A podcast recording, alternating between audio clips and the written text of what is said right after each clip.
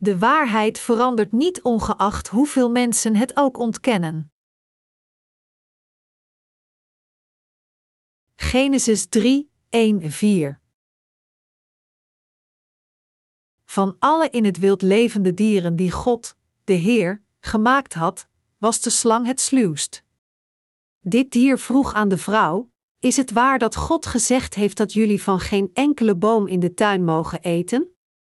We mogen de vruchten van alle bomen eten, antwoordde de vrouw, behalve die van de boom in het midden van de tuin. God heeft ons verboden van de vruchten van die boom te eten of ze zelfs maar aan te raken. Doen we dat toch, dan zullen we sterven. Jullie zullen helemaal niet sterven, zei de slang. Galileo Galilei is beroemd omdat hij zei: Maar de aarde beweegt. Hij werd geboren in 1564, in een tijd dat de autoriteit van de katholieke kerk uitstrekte over heel Europa. Voor Galilei was er feitelijk iemand anders, een man genaamd Copernicus, die zei dat de aarde om de zon heen draaide.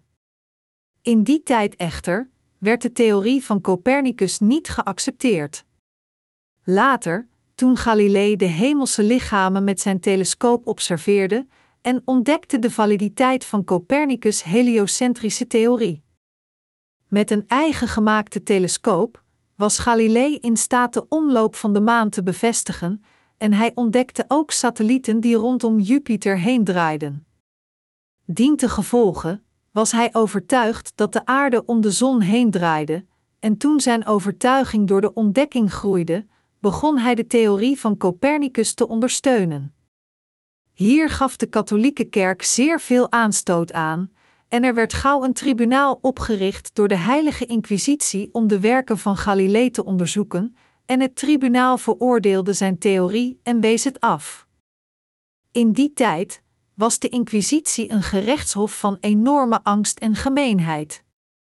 De Inquisitie was zo wraakzuchtig dat het zelfs mensen vervolgden en veroordeelden die al dood waren. De inquisiteurs onderzochten zelfs de overtuigingen van de doden, en als een van hen veroordeeld werd als ketter, dan werd zijn lichaam opgegraven uit zijn graf en verbrand. Omdat de Inquisitie een dergelijke onbeperkte macht uitoefende, om opgeroepen en ondervraagd te worden door dit gerechtshof was op zichzelf al een schrikbarend vooruitzicht. Door deze inquisitie werd Galilei gedagvaard.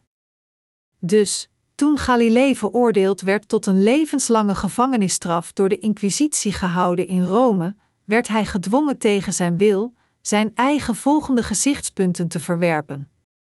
Ik, Galilei, nu 70 jaar oud, zoon van de wijle, Vincenzo Galilei, gedagvaard door de Inquisitie, geknield voor de kardinalen en inquisiteurs van het christendom die over heel de wereld strijden tegen de corruptie van ketterij. Plaats mijn handen op de geschriften om te getuigen dat ik altijd geloofd heb in alles dat de heilige katholieke kerk en de paus ondersteunde en gepredikt hebben. Ik geloof er nu in, en met Gods hulp zal ik blijven geloven in de toekomst hoewel mij bevolen werd door de kerkelijke autoriteit van de Inquisitie om afstand te doen van mijn foutief gezichtspunt dat de zon het middelpunt van de wereld is en niet beweegt, en hoewel mij verboden was deze doctrine te ondersteunen en te verdedigen, schreef ik en publiceerde een boek dat deze verboden doctrine uiteenzette.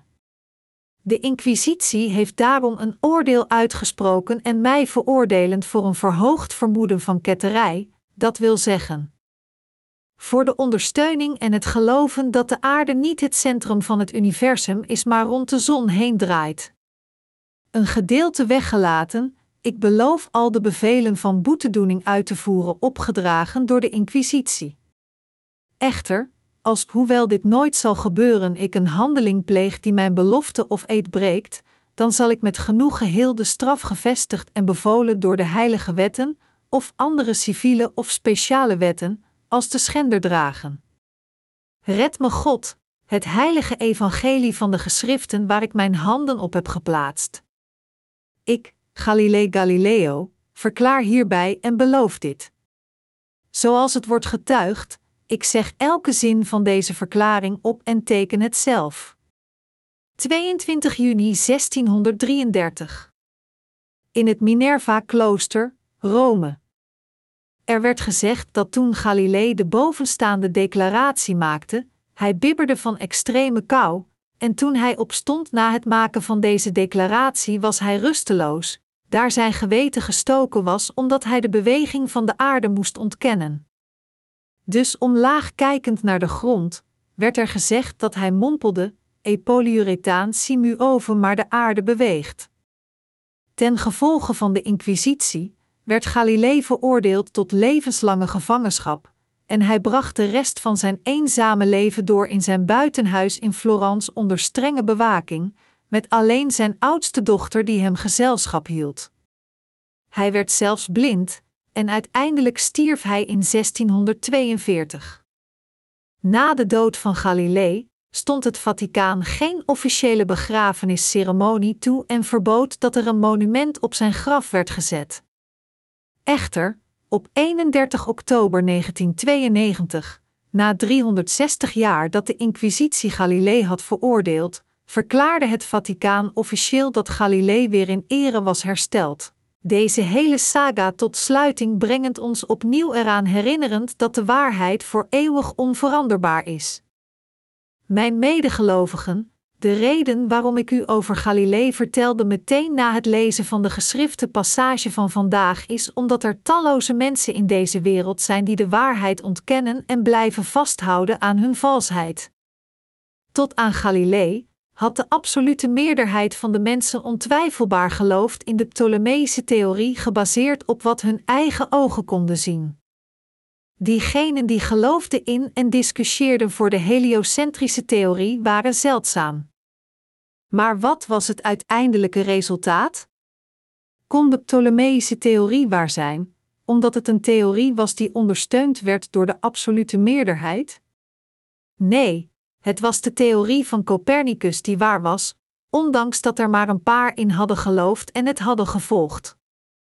Net zo, hoewel het evangelie van het water en de geest de absolute bijbelse waarheid is, zien we dat de meerderheid van de christenen vandaag deze waarheid definiëren als vals en het afwijzen.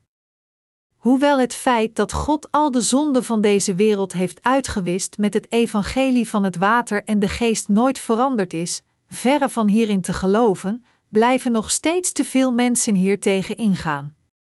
Dit is een grote fout dat voortkomt uit het gezichtspunt gebaseerd op de stereotypen. Wat ondersteund wordt door de meerderheid is de waarheid. We moeten hier een belangrijke les leren uit het verhaal van Galilei. We moeten hier opnieuw zorgvuldig overdenken wat de echte waarheid van zaligmaking is. De meeste christenen denken dat zij hun zaligmaking verkrijgen door alleen te geloven in het bloed van het kruis, en ze denken ook dat hun alledaagse zonden worden weggewassen door het geven van de gebeden van berouw. We moeten ons hier afvragen of hun overtuigingen waar zijn of niet. De apostelen en leerlingen van onze Heer geloofden het volgende: Heeft Jezus Christus al de zonden van de wereld met het evangelie van het water en de geest weggewassen? Ja, inderdaad, Jezus nam al de zonden van de wereld weg door zijn doopsel. Daarom zijn er geen zonden in de wereld. Hoewel ieder van ons zonde pleegt tot de dag van onze dood, omdat Jezus Christus al onze zonde wegnam, zijn wij nu zondeloos. Jezus Christus is onze Verlosser, dit is hoe zij geloofden, en dit is hoe zij predikten. Zij predikten deze evangelische waarheid van het water en de geest, zeggend: Jezus is onze Verlosser. En Hij nam al onze zonden over door het evangelie van het water en de geest. De Heer heeft al onze zonden uitgewist. Daarom is ieder van ons die gelooft in het evangelie van het water en de geest rechtvaardig. Maar lijdt u nog steeds vanwege uw zonden? Geloof dan in Jezus Christus. Jezus kwam om al uw zonden voor u uit te wissen. En Hij liet inderdaad al onze zonden verdwijnen. Jezus nam al de zonden van deze wereld voor eens en altijd weg door te worden gedoopt. Denkt u dat er zonde in deze wereld is? De waarheid is dat er geen zonde in deze wereld zijn. U zult zich afvragen: Hoe kunnen er geen zonden in deze wereld zijn? Uw zonden zijn niet langer bij u, omdat Jezus al uw zonden schouderde door zijn doopsel. Hij ontving uw zonden van Johannes zelfs voordat u geboren was. Kent u de waarheid van het water en de geest? Het is waar, mijn medegelovigen, dat de mensen van deze wereld voortdurend blijven zondigen, maar toen Jezus Christus naar deze aarde kwam, droeg hij al de zonden van de wereld voor eens en altijd door te worden gedoopt door Johannes de Doper, en hij wijst hen allemaal weg door te worden gekruisigd. Dit is de evangelische waarheid van het water en de geest. Dat Jezus naar deze aarde kwam en al de zonden van de wereld uitwiste, is de waarheid.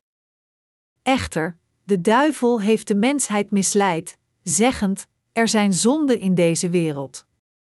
En daarom hebben mensen zonden. Jezus nam alleen uw oorspronkelijke zonde weg. Wat betreft uw persoonlijke zonden, hij wist hen alleen uit als u berouw toont, en hij heeft uw toekomstige zonden die u nog niet gepleegd hebt ook niet weggenomen. Echter, u moet niet langer misleid worden door de slechte trucs van Satan. We moeten nooit bedrogen worden. Dat is omdat de zonden van deze wereld niet langer bij ons zijn, maar zij werden doorgegeven aan het lichaam van Jezus Christus. U moet beseffen dat de mensheid geen zonden heeft, en u moet geloven in Jezus, die kwam door het evangelie van het water en de geest als onze verlosser.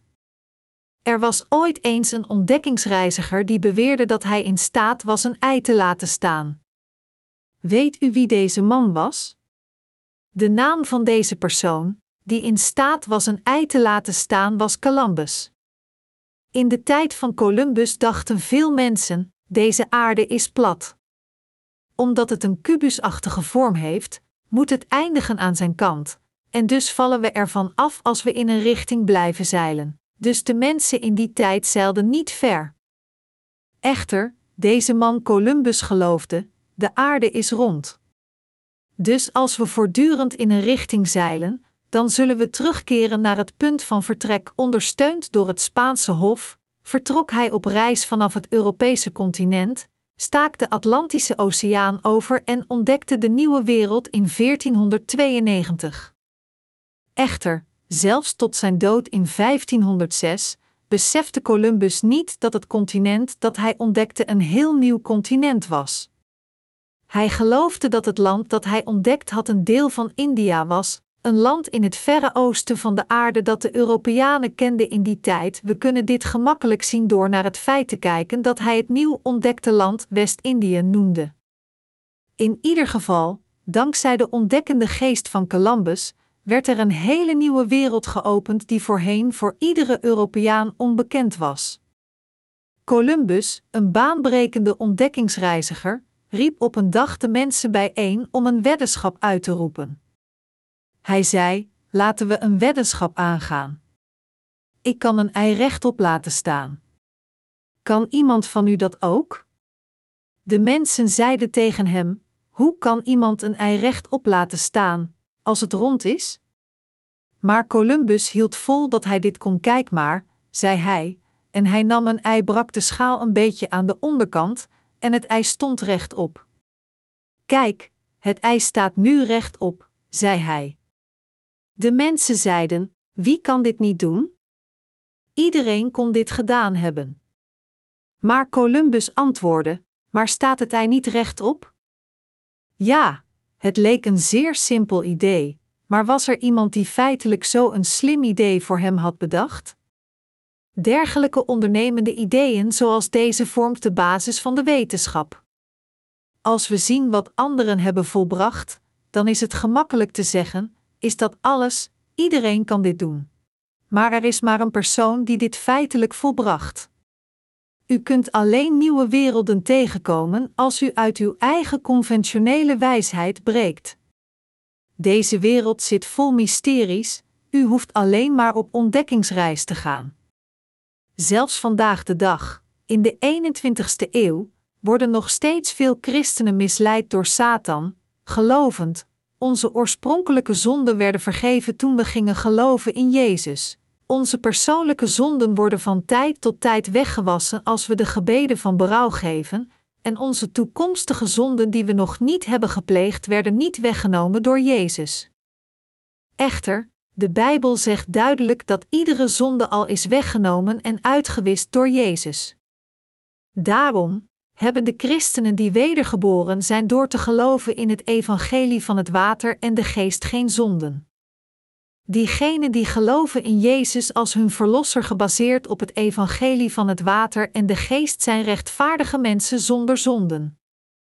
Als een christen nog steeds zonden heeft ondanks dat hij in Jezus gelooft, dan kan dit alleen betekenen dat zijn geloof vals is. Vanaf de 16e eeuw, toen de Reformatie in volle hevigheid begon, heeft het christendom talloze theologen voortgebracht. Met hun beperkt vermogen begonnen zij het woord van God eigenmachtig op te lossen. Omdat er veel passages in de Bijbel waren die zij niet konden begrijpen, legden zij de puzzel zelf in elkaar en interpreteerden het op een manier zodat hun beperkt intellectueel vermogen het ook kon begrijpen. Zo produceerden zij grondloze doctrines. Dergelijke valse leerstellingen worden voortdurend gemaakt en systematisch verfijnd door de hedendaagse valse theologen, en dientengevolge zijn praktische bijna alle christenen tot het geloof gekomen. Hoewel Jezus al de zonden van deze wereld heeft uitgewist, is het als we berouw hebben van onze zonden dat zij feitelijk verdwijnen.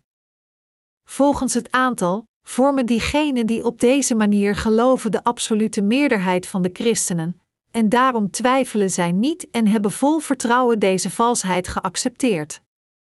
En zij zien het evangelie van het water en de geest, het ware evangelie van het water en de geest, als ketterij. Net zoals de Inquisitie in de tijd van Galilei, belemmerden zij de waarheid met hun religieuze autoriteit. Echter, ongeacht hoeveel mensen het ook hebben genegeerd, het is duidelijk dat de aarde om de zon heen draait. Net zo, dat er geen zonde is, is de onbetwistbare waarheid, want Jezus heeft al de zonden van de wereld uitgewist. Het is zo tragisch dat zoveel mensen nog steeds niet dit wonderbaarlijke evangelie van waarheid van het water en de geest kennen. Door hun onwetendheid over het evangelie van het water en de geest, hebben zij Jezus verkeerd begrepen en geloven zij in Hem op de verkeerde manier.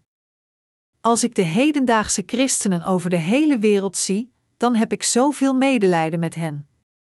Zij zijn inderdaad zielig omdat zij dit feit niet beseffen, en daarom hebben zij onnodig hun zonde vastgehouden. Het evangelie van het water en de geest is de waarheid. Is Jezus Christus niet onze Verlosser, mijn medegelovigen? Net zoals we zingen, vreugde aan de wereld de Heer is gekomen, Jezus is inderdaad onze Verlosser. De Verlosser kwam naar deze aarde voor de mensheid, en door al de zonden van deze wereld uit te wissen met het evangelie van het water en de geest, volbracht hij zijn grote zaligmaking.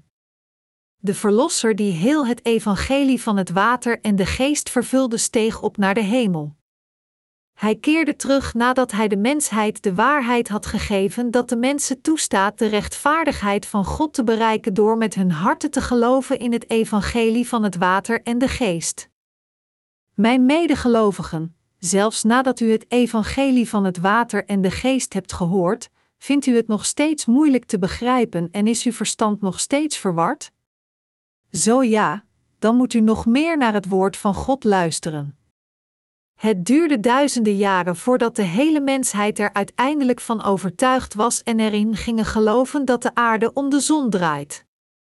Net zo, als u het woord van God hoort en zorgvuldig luistert naar het evangelie van het water en de geest, dan zult u ook uiteindelijk beseffen dat dit evangelie van het water en de geest, dat de Heer al de zonden van de mensheid heeft uitgewist door hen allemaal op zichzelf te nemen door zijn doopsel en zijn bloed aan het kruis te vergieten, de waarheid is, en u zult er ook in gaan geloven.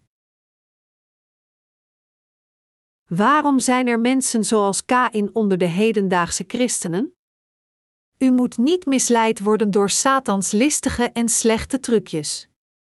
Nog moet u vervallen aan de valsheid die verspreid wordt door de dienaren van de duivel. tussen Kain en Abel, de kinderen van Adam en Eva, accepteerde God alleen het offer van Abel, want zijn offer was gepast voor God, maar het offer van Kain werd afgewezen omdat hij niet het juiste offer van geloof had gegeven. Met andere woorden, God kon het offer van Kain niet met blijdschap accepteren. 1 Johannes 3, 11, 12 zegt: Dit is immers wat u vanaf het begin hebt horen verkondigen, dat we elkaar moeten liefhebben en niet moeten doen zoals Kain, die voortkwam uit hem die het kwaad zelfs is en zijn broer doodsloeg. En waarom sloeg hij hem dood? Omdat zijn eigen daden slecht waren en die van zijn broer rechtvaardig. God vertelde ons niet zo te zijn als Kain, terwijl het offer dat Abel aan God gaf een gepast offer was volgens hem, was het offer dat Kain aan God gaf geen gepast offer, en daarom kon God dit niet accepteren. Kain, met andere woorden, gaf niet het offer van geloof. Bovendien, Kain vermoorde zelfs Abel die het juiste offer van geloof aan God had gegeven. Kain was ook een man die misleid werd door de listige trucjes van Satan. Door wie werden Adam en Eva misleid? En door wie worden zoveel mensen in dit tijdperk voortdurend misleid? Deze misleider is niemand anders dan Satan. Omdat Satan de mensen continu misleidt, vervallen zij aan het misleidende geloof, dat beweert dat het correct is dat zij zonden hebben zelfs als zij geloven in Jezus. Hoe dan ook, we moeten nooit misleid worden door de listigheid van de duivel, want anders zullen we uiteindelijk het valse geloof volgen dat ons rechtstreeks naar de hel leidt. Door de mensen te misleiden, heeft de duivel hen niet alleen verhinderd van het correcte geloof in Jezus, maar hij heeft ook weerstand geboden tegen de gelovigen in het evangelie van het water en de geest, hen lastigvallend en hen kwellend. Zelfs in dit tijdperk zijn er veel mensen die vervallen zijn aan Satans listige trucjes en pleegden zonde net zoals Kain, en net zoals Adam en Eva misleid werden door de slang en een grote zonde tegen God pleegden. Alle mensen die misleid zijn geworden door de duivel zullen veroordeeld worden voor hun zonden. De Bijbel zegt dat de slang meer geslepen dan ieder ander beest. Mijn medegelovigen, de trucjes van Satan zijn zeer geslepen. Hoe misleidt de duivel de mensen? Zelfs tot op de dag van vandaag heeft de duivel voortdurend mensen listig misleid. Als eerste misleidt hij mensen door te zeggen: om te worden gered, moet men geleidelijk aan heilig worden. Als de duivel tegen ons liegt en de ene leugen na de andere leugen zou vertellen vanaf het begin tot het einde, dan zouden we zijn trucjes zo doorhebben. Dat is waarom de duivel als eerste begint met iets dat correct is, en later onoprecht iets mengt met iets vals. Mensen worden dan zeer gemakkelijk door deze leugen misleid. Wat gebeurt er als de duivel begint met een kleine leugen en dan iets van waarheid toevoegt? De mensen worden weer gemakkelijk misleid. God zei tegen Adam en Eva: Van iedere boom in de tuin mogen jullie vrijelijk eten, maar van de boom van de kennis van goed en kwaad mogen jullie niet eten, want op de dag dat jullie daarvan eten, zullen jullie zeker sterven. God specificeerde een bepaalde boom en vertelde hen er nooit van te eten. Echter, Satan kwam bij Eva en zei tegen haar: Heeft God inderdaad gezegd dat jullie niet mogen eten van de bomen in de tuin? Lijkt dit niet iets op wat God had gezegd? Met andere woorden, beide God en Satan gebruikten het zinsdeel: Jullie mogen niet eten echter, hoewel God duidelijk sprak over een boom, sprak Satan over elke boom. Het is waar dat God tegen Adam en Eva had gezegd niet te eten, maar hij had niet verboden van elke boom te eten. Dus wat Satan zei was niet helemaal verkeerd, maar was een klein beetje gelijk aan datgene wat God had gezegd, dus hij verdraaide de waarheid. Met andere woorden, de listige intrige van Satan is te klinken alsof hij niet iets compleet verkeerd zegt. Anders gezegd, de duivel misleidt de mensen in feite door iets te zeggen dat op het woord van God lijkt en dit dan met zijn eigen leugen te vermengen. Dat is waarom Satan geslepen wordt genoemd. Dus, door zijn dienaren, zegt Satan tegen de christenen: Wij christenen moeten heilig worden. En hij misleidt hen door te zeggen: Mensen worden gered als zij geloven in Jezus als hun verlosser. Maar nadat zij gered zijn, moeten zij iedere dag berouw tonen, en alle dan worden zij geheiligd. Hoewel God al de zonden heeft uitgewist, omdat we nog steeds zondigen in de wereld, kunnen we niet zeggen dat wij geen zonde hebben, noch kunnen we beweren dat wij rechtvaardig zijn. Maar de zonden van de mensheid kunnen niet worden weggewassen door de gebeden van berouw. Om dit uit te leggen, trek ik vaak een analogie met steenkoolbrikets die nog niet hebben gebrand. Tegenwoordig gebruikt bijna niemand meer deze brikets, dus soms denk ik dat ik moet overstappen naar een andere analogie, maar sinds ik met kolenbrikets ben opgegroeid, praat ik toch nog steeds over hen. Een steenkoolbriket is zwart. Kunnen we deze zwarte briket veranderen in een witte briket? Kunnen we dit doen als we zeep gebruiken en de briket hard met een spons schuren? Wordt de steenkoolbriket uiteindelijk wit als we het blijven wassen? Nee, het wordt niet wit. De poging om zonde weg te wassen door de gebeden van berouw is precies zoals dit. Men kan zoveel gebeden van berouw geven als men wil om zijn zonde uit te wissen, maar verdwijnen zijn zonden dan? Nee, natuurlijk niet. Dus, de Bijbel zegt: ook al was je je kleren met zeep, en met een overvloed aan loog, je schandvlek blijf ik zien, spreekt God, de Heer, Jeremia 2 uur 22. Maar ondanks dit, heeft Satan de mensen al die tijd misleid, volhoudend dat zij de vergeving van hun zonde kunnen ontvangen als zij de gebeden van berouw geven. Alles dat Satan zegt is gericht op het misleiden van de mensen. Zijn woorden, dat mensen geleidelijk heilig worden en transformeren in zondeloze wezens als zij genoeg gebeden van berouw geven, zijn niets meer dan leugens ontworpen om u te misleiden. Net zoals de analogie van de steenkoolbrikets dat ik net genoemd heb, uw eigen gebeden van berouw hebben de kracht niet om uw zonde uit te wissen en weg te wassen, ongeacht hoe hard u dit ook probeert. Als onze dagelijkse zonden inderdaad worden weggewassen door onze gebeden van berouw, dan moeten we dit inderdaad doen. En als God ons inderdaad gereinigd heeft door een dergelijke methode, dan moeten we zo blijven geloven. Maar het idee dat het is door onze eigen gebeden van berouw dat het door deze pogingen is dat wij geleidelijk heilig worden zodat wij de vergeving van onze zonden ontvangen, is een listige leugen van Satan. Het staat geschreven in Jeremia 2, 22, 24. Ook al was je je kleren met zeep en met een overvloed aan loog, je schandvlek blijf ik zien, spreekt God, de Heer. Hoe kun je zeggen: Ik heb me niet besmeurd, ik liep niet achter de baals aan? Kijk één naar het Hinnomdal, besef wat je daar doet. Je bent een rusteloze kameel, die hitsig heen en weer rent, een wilde ezelin, thuis in de woestijn, die elke ezel ruikt, tochtig als ze is. Wie kan haar drift aan banden leggen? Geen ezel hoeft moeite te doen, bronstig als ze is, laat ze zich gemakkelijk vinden. God zei: Hoewel u uzelf wast met loog en veel zeep gebruikt, uw schandvlek blijf ik zien.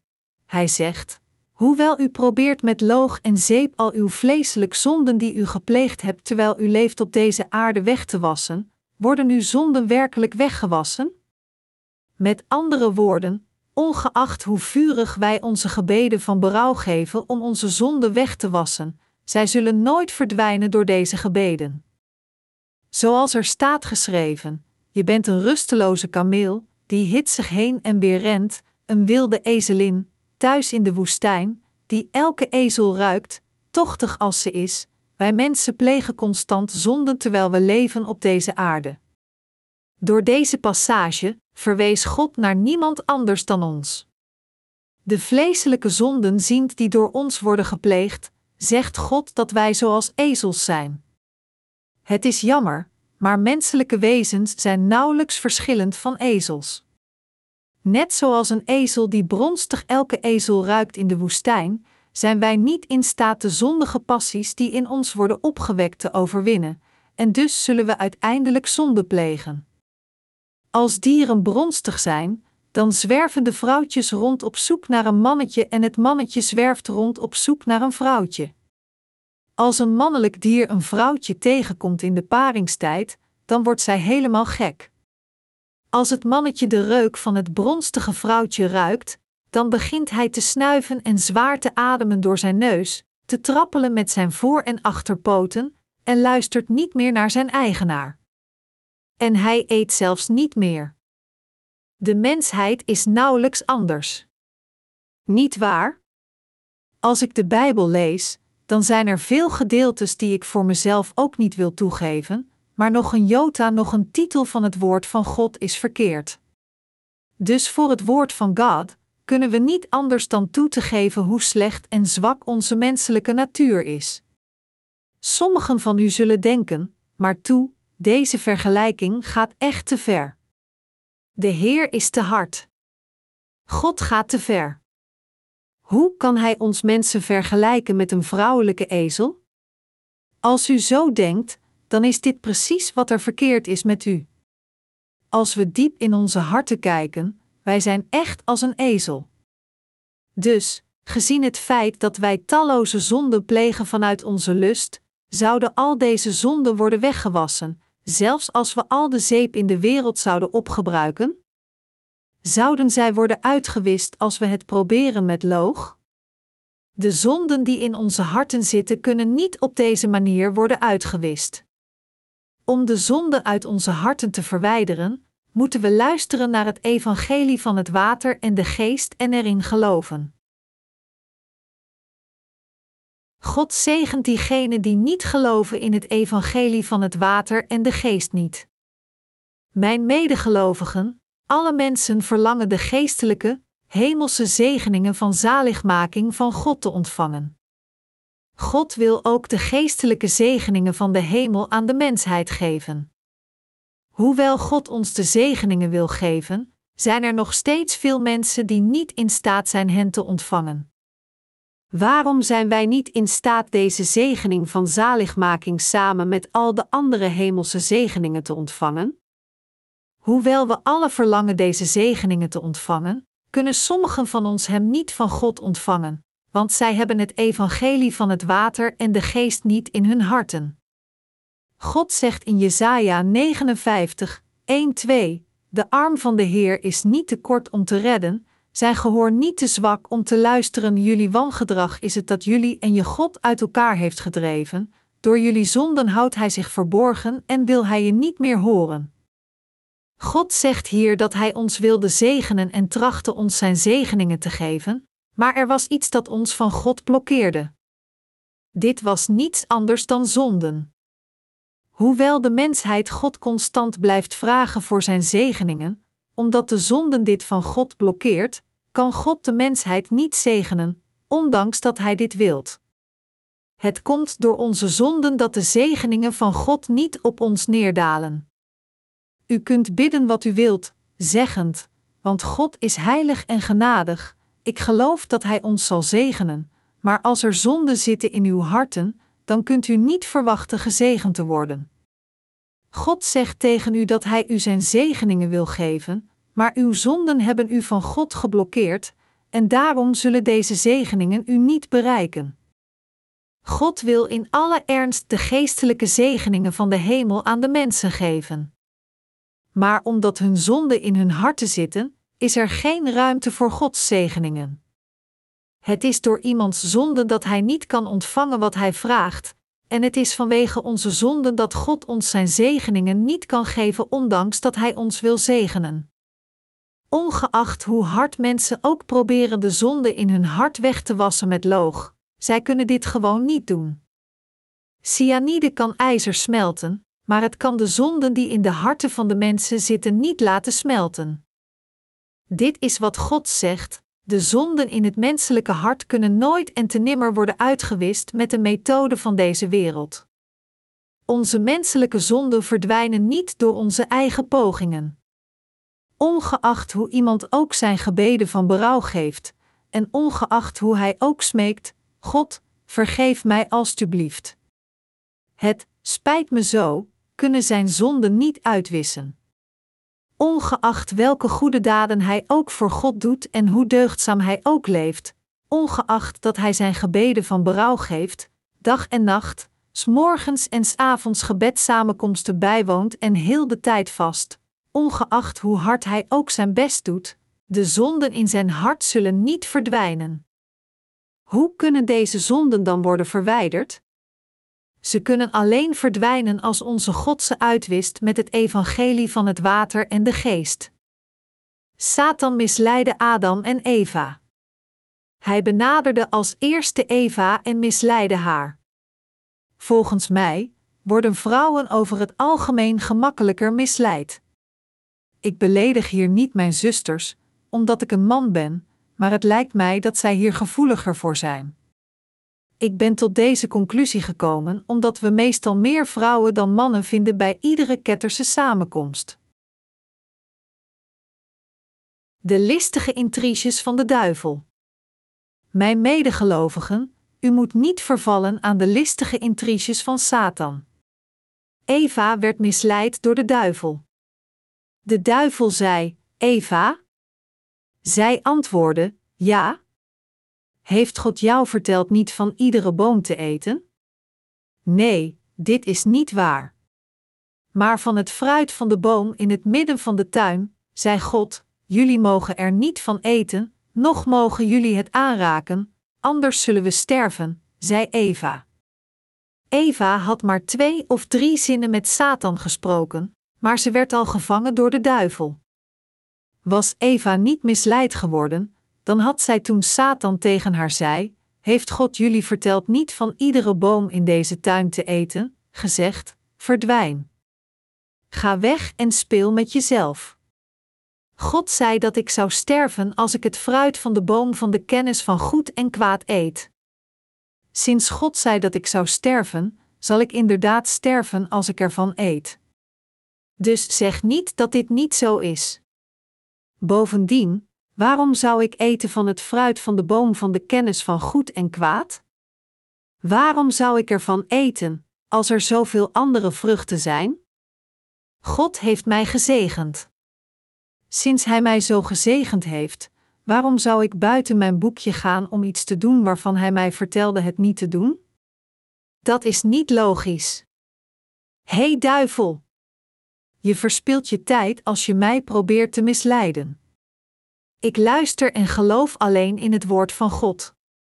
Dus maak jezelf niet belachelijk en verdwijn. Echter, Eva's verstand begon te wankelen zodra ze hoorde wat Satan zei. Dus ze dacht: Ik weet niet meer precies wat ik van mijn man Adam heb gehoord. Hij heeft waarschijnlijk gezegd het niet te eten nog het aan te raken.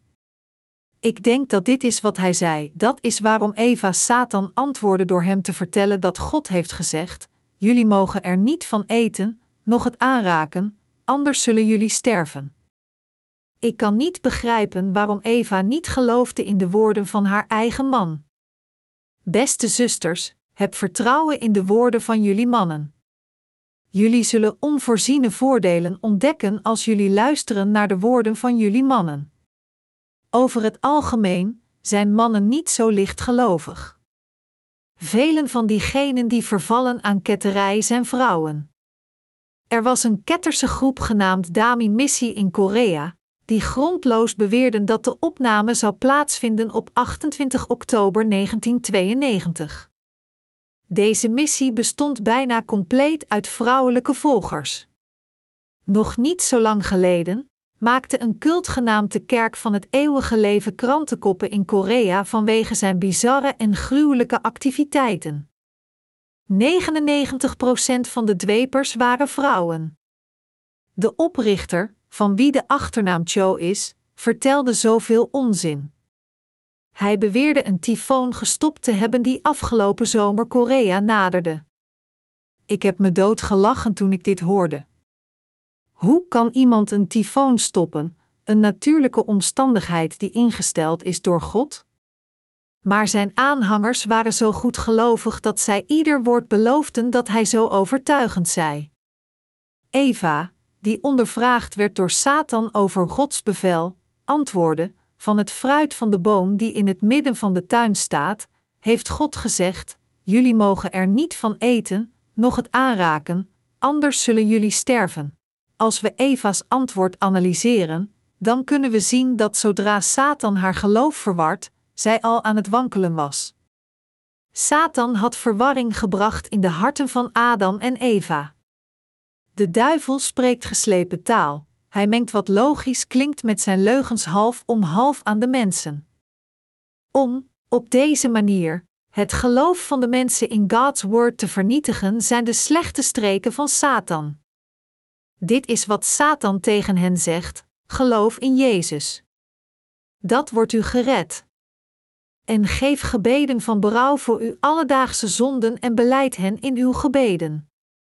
Alle dan zult u worden getransformeerd in een heilig en zondeloos persoon, en de heiligmaking bij uw dood ontvangen. Als mensen dit horen, klinkt dit zeer waarschijnlijk en logisch voor hen, en dus zullen zij uiteindelijk zo gaan geloven. Zij hebben absoluut geen idee dat zij feitelijk misleid zijn geworden. Wat zegt de Bijbel over de zonde van de mensheid? God zegt dat Hij al onze zonden heeft uitgewist zo wit als sneeuw. Bovendien heeft Hij ze in een keer uitgewist. Mijn medegelovigen, zouden de zonden van de mensheid verdwijnen door het geven van de gebeden van berouw? Zouden ze verdwijnen als we een ton aan zeep zouden gebruiken? Zouden uw zonden verdwijnen als u hen met loog of cyanide zou wassen? Nee, ze zullen nooit verdwijnen. Ze zullen allemaal intact blijven. Mijn medegelovigen, val niet in de intriges van de duivel. Zelfs op dit moment blijft Satan voortdurend de mensen misleiden, bewerend: U zult alle gered worden als u gelooft in Jezus, en we moeten de heiligmaking bereiken. Op het einde van 2004 heeft de huidige wereldbevolking de 6,4 miljard mensen overschreden. Laat ons hier aannemen dat van deze 6,4 miljard mensen ongeveer 1 miljard mensen christenen zijn. Tegen deze 1 miljard mensen zegt Satan: Heeft God u inderdaad rechtvaardig gemaakt? Nam hij al uw zonden weg? Heeft hij ze echt allemaal uitgewist? Dit is hoe Satan het geloof van de mensen laat wankelen. Mijn medegelovigen, bij talloze mensen zijn hun harten nu verward geraakt, ondanks dat zij in Jezus Christus geloven. Er zijn veel christenen van wie hun harten overstuur zijn geraakt, ondanks dat zij in Jezus geloven, en dientengevolge is hun geloof niet rechtvaardig. En een verder gevolg is dat zij vallen aan de manier van de vernietiging, ondanks het feit dat zij christenen zijn. Ze zijn zo omdat zij onophoudelijk misleid werden door Satan. De duivel beweert ook dat gelovigen gered kunnen worden door de wet te houden. Anders gezegd, hij zegt tegen de mensen dat zij alleen gered kunnen worden als zij leven naar de wet nadat zij gingen geloven in Jezus Christus, maar dit is niets meer dan zijn slechte truc. De Bijbel zegt in tegenstelling dat diegenen die onder de wet zijn zich onder de vloek bevinden. Galaten 3 uur 10 zegt: Maar iedereen die op de wet vertrouwd is, vervloekt, want er staat geschreven: Vervloekt is een ieder die niet alles doet wat het boek van de wet bepaalt. Iedereen die vertrouwt op de wet is vervloekt. God zegt in hoofdstuk 2 van Genesis dat hij de tuin van Eden maakte en daar de mens in plaatste. Hij zegt dat door de mens daar te plaatsen, hij hem in staat stelde een prachtig leven, gezegend en genietend in blijdschap in deze prachtige tuin voor eeuwig te leven. Deze zegening van God was een zegening die eenzijdig gegeven werd door God zelf. We moeten ons het feit herinneren dat hoewel Eva leefde in Gods tuin onder de zegeningen, toen zij God benaderde met haar eigen werk van geloof, kon zij het niet vermijden onder de vloek te worden geplaatst. God heeft de mensheid eenzijdig gezegend. Door de mensheid zelf gezegend te hebben, is er een ding dat God van hen heeft gevraagd, en dat is te accepteren wat God hen gegeven heeft door geloof en ervan te genieten. Na het maken van de tuin van Eden, zei God tegen Adam en Eva: Als jullie van jullie eigen werken zijn of mij benaderen met jullie eigen daden, dan zal ik de zegeningen die ik jullie gegeven heb wegnemen. Daarom, de reden waarom mensen nog steeds deze God gegeven zegeningen verliezen is omdat zij hun geloof in de steek hebben gelaten, doordat zij misleid werden door Satan. Maar iedereen die op de wet vertrouwd is vervloekt. Adam en Eva leefden gelukkig in de tuin van Eden. Maar, op een dag, kwam Satan naar Eva en zei tegen haar: Eet van de boom die jullie in staat zal stellen te weten wat goed en slecht is. Adam en Eva konden genieten van alle zegeningen gegeven door God met hun geloof. Maar Satan verleidde hen met hun eigen handelingen door de aanpak van God. Satan misleidde hen door te zeggen: Want God weet dat als jullie ervan eten, jullie ogen worden geopend, en jullie zoals God zullen zijn, met de kennis van goed en slecht. Genesis 3, 5. Satan moedigde de mensheid aan voor God te komen met het wettische geloof van de duivel. Door de mensheid God te laten benaderen met schijnbaar rechtvaardige daden, plaatste Satan heel de mensheid onder een vloek. Hier moeten we herinneren wat God zei: iedereen die op de wet vertrouwd is vervloekt. Het is door geloof dat wij deze zegeningen die God ons gegeven heeft moeten ontvangen en ervan moeten genieten.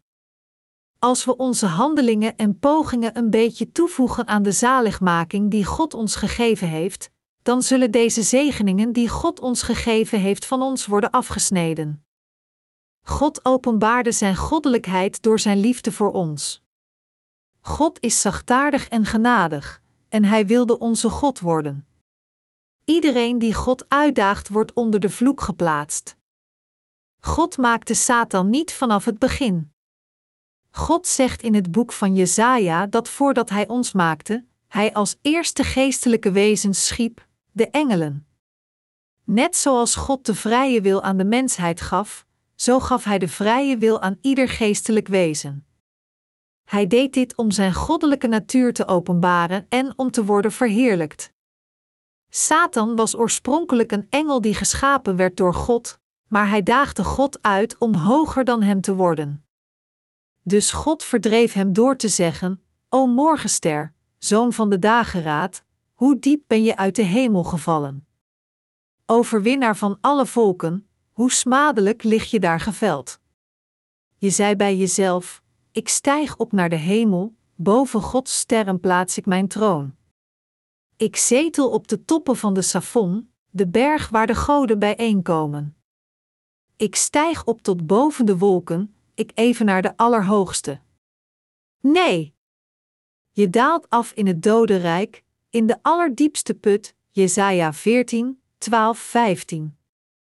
In heel de natuur, in alle geestelijke wezens en alle menselijke wezens, wilde God openbaren dat Hij de Schepper is en de God die het geluk en de zegeningen brengt. Dus zei Hij: Ik, Jehovah, Hij die zelf bestaat, ik heb u zo geluk gegeven en u gelukkig gemaakt. Verblijf in mij, geloof in mij en leef voor eeuwig gelukkig met mij. God heeft ons gelukkig in Hem gemaakt, in Christus.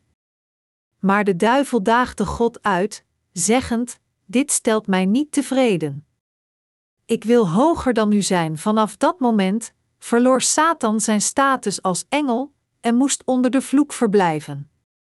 Na verdreven te zijn, verleidt de duivel nu de mensheid. Mijn beste medegelovigen, hoe beschreef God de natuur van Satan? Hij zei dat de duivel geslepen was. Mijn medegelovigen, we moeten niet vervallen aan de verleiding van deze geslepen Satan. Vanaf het begin van de wereld heeft Satan talloze mensen misleid op deze aarde, en hij zal blijven misleiden tot de dag dat de Heer terugkeert naar deze aarde. Jezus Christus is degene die deze aarde maakte, en Hij is inderdaad onze God. Hij heeft zijn volk echt van hun zonden gereinigd. Hij heeft hun rode zonde weggewassen en zo wit als sneeuw gemaakt. Hij heeft hen tot zijn eigen mensen gemaakt. Hij kwam als de verlosser van de zondaars en wiste compleet al hun zonden uit. Niet alleen in woorden, maar met zijn feitelijke daden, Hij heeft al onze hun uitgewist door hen over te nemen en hen te schouderden door de waarheid van het water en de geest. Ik moedig u alle aan te beseffen dat dit de waarheid is, om de misleiding van Satan te overwinnen en uw zaligmaking van geloof te ontvangen. Praktisch iedere kerk leert dat Jezus Christus onze zonden op zich nam aan het kruis en werd gekruisigd. Jezus Christus is feitelijk God zelf, maar hij kwam naar deze aarde incarneerde in het vlees van de mens, en door het doopsel dat hij ontving van Johannes de Doper, droeg hij al de smerige zonden van de wereld.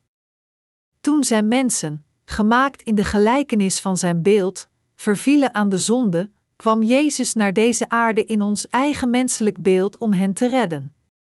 En schouderde al de zonden van de mensheid en van de wereld op zijn eigen lichaam, en door te worden gestraft aan het kruis in onze plaats in deze zondige staat, maakte Hij het mogelijk voor ons om te ontsnappen aan onze bestraffing.